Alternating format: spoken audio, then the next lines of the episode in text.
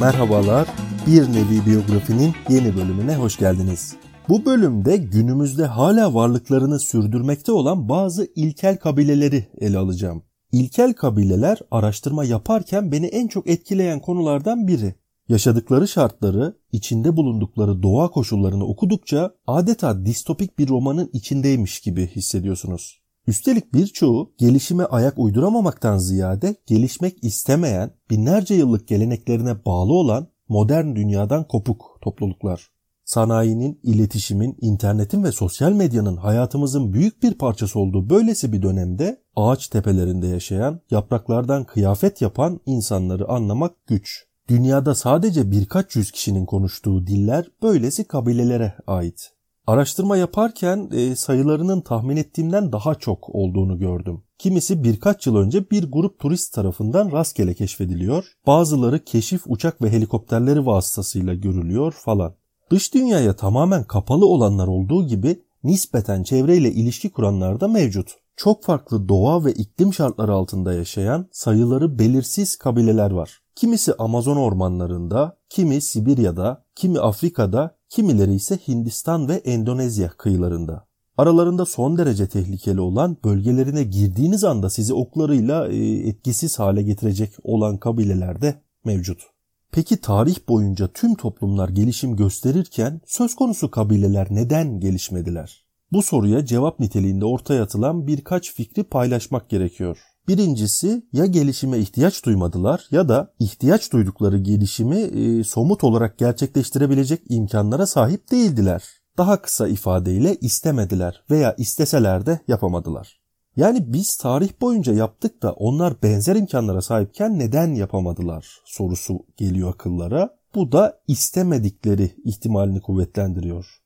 İstememelerinin altında yatan sebep için kültürleri diyebiliriz. Fakat nasıl bir kültür e, insanlığı gelişimden alıkoyabilir sorusuna cevap vermek oldukça güç.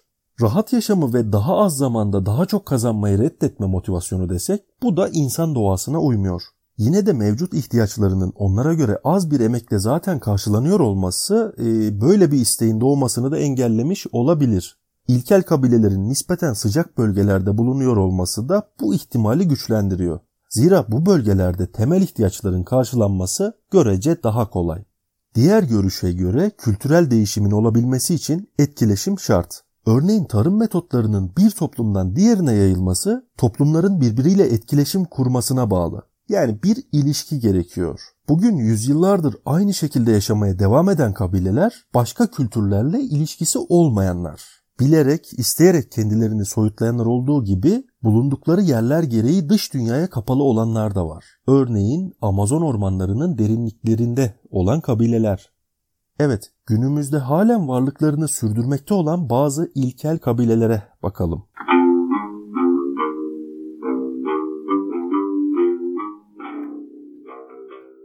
Himba kabilesi Kuzey Nambiya'nın Kunene bölgesinde yaşayan bir etnik grup. 30-40 bin civarı nüfusa sahip olduğu düşünülen topluluk göçebe bir hayat sürüyor.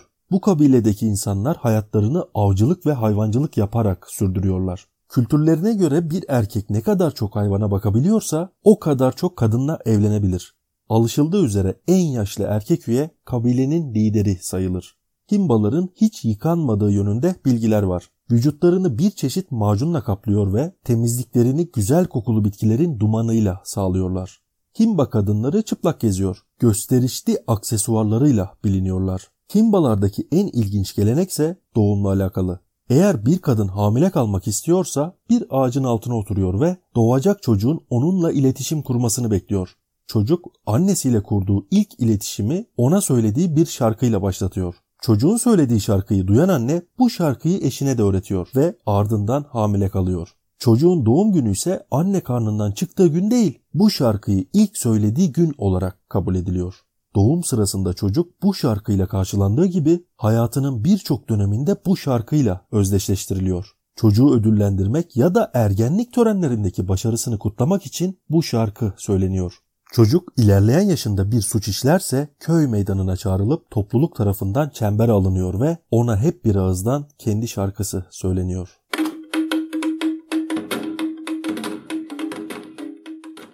Evet, dünyanın en mutlu kabilesi Pirahalar. Amazon kabilelerinden biri olan ve 800 civarı nüfusa sahip Piraha kabilesi Brezilya'nın Porto Velho şehrine 400 kilometre uzaklıkta bulunuyor. Kabileye ulaşabilmek için en yakın mesafedeki kasabadan 4 günlük bir tekne yolculuğu gerekli. Dünyadan hayli uzak.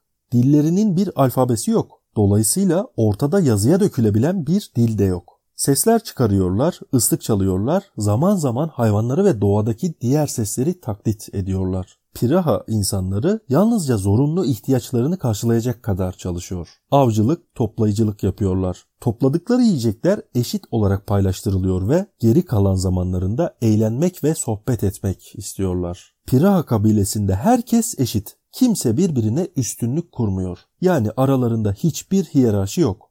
Alfabeleri olmadığı gibi rakamları da yok. Onlar için ya az var ya da çok. Miktar kavramı yalnızca yeterli olup olmadığına göre ayrılıyor. Dillerinde geçmiş ya da gelecek zaman kavramları yok. Yarın yok, dün yok, ay, yıl, hafta yok. Onlar için ya şimdi var ya da şimdi değil var.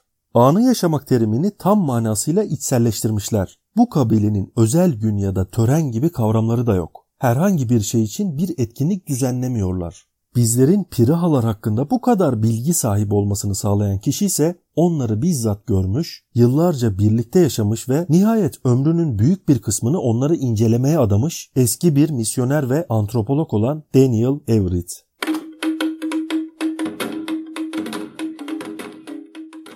Asya'da bir kabile. Filipinler'de bulunan yerli bir etnik grup olan Bacaular inanılmaz yeteneklere sahipler. Deniz çingeneleri de denilen Bacau kabilesi göçebe değil. Güneydoğu Asya'da bulunan Borneo'da yaşıyorlar. Denizin üzerine kurulmuş barakalarda yaşayan kabile beslenme ihtiyacını balık avlayarak sağlıyor. Avlanmaları yaygın olarak zıpkınla gerçekleşiyor. Lepa lepa denilen kayıkları kullanıyorlar. E, lepa lepalar bugün bildiğimiz kanoları andırıyor daha çok.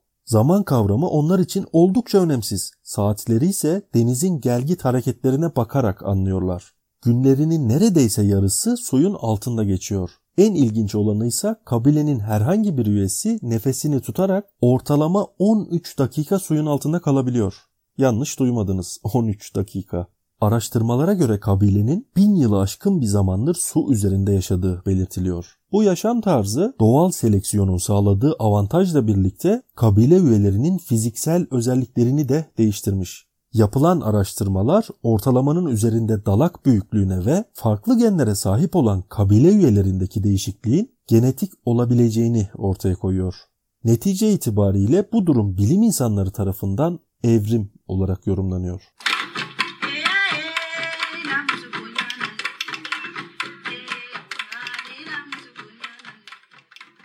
Amazonlara geri dönelim. Ava Guaha kabilesi Brezilya'da Amazon ormanlarında yaşayan yerli bir grup. Kabilenin kadınları doğadaki bazı hayvanları çocukları gibi sahiplenip emziriyorlar. Diğer kabileler arasında nesli tükenme tehdidi en yüksek olan kabile. 2016 sayılarına göre kabile yalnızca 300 civarı kişiden oluşuyor ve yüze yakınının modern dünyayla neredeyse hiç bağlantısı yok. Kabile kadınlarının sütüyle beslenen hayvanlar asla yenmiyor. Hiçbirine zarar verilmiyor. Doğu Amazon'daki Avaguaha halkı ormanın doğal bir parçası olmuş durumda. Doğayla aralarındaki bağ o kadar güçlü ki takıntılı biçimde sahiplendikleri pek çok orman hayvanını kendileri yetiştiriyor ve yavruların hayatta kalmaları için ellerinden geleni yapıyorlar.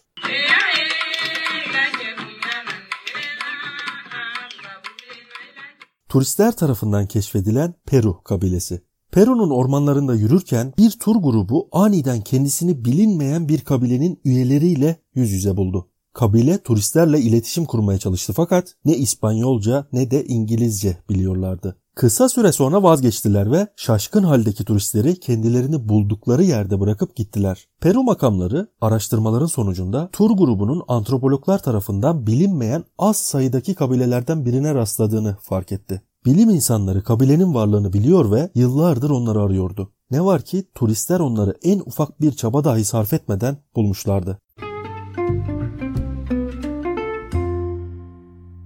Tarihte bugün 27 Haziran 1893 yılında New York borsası çöktü.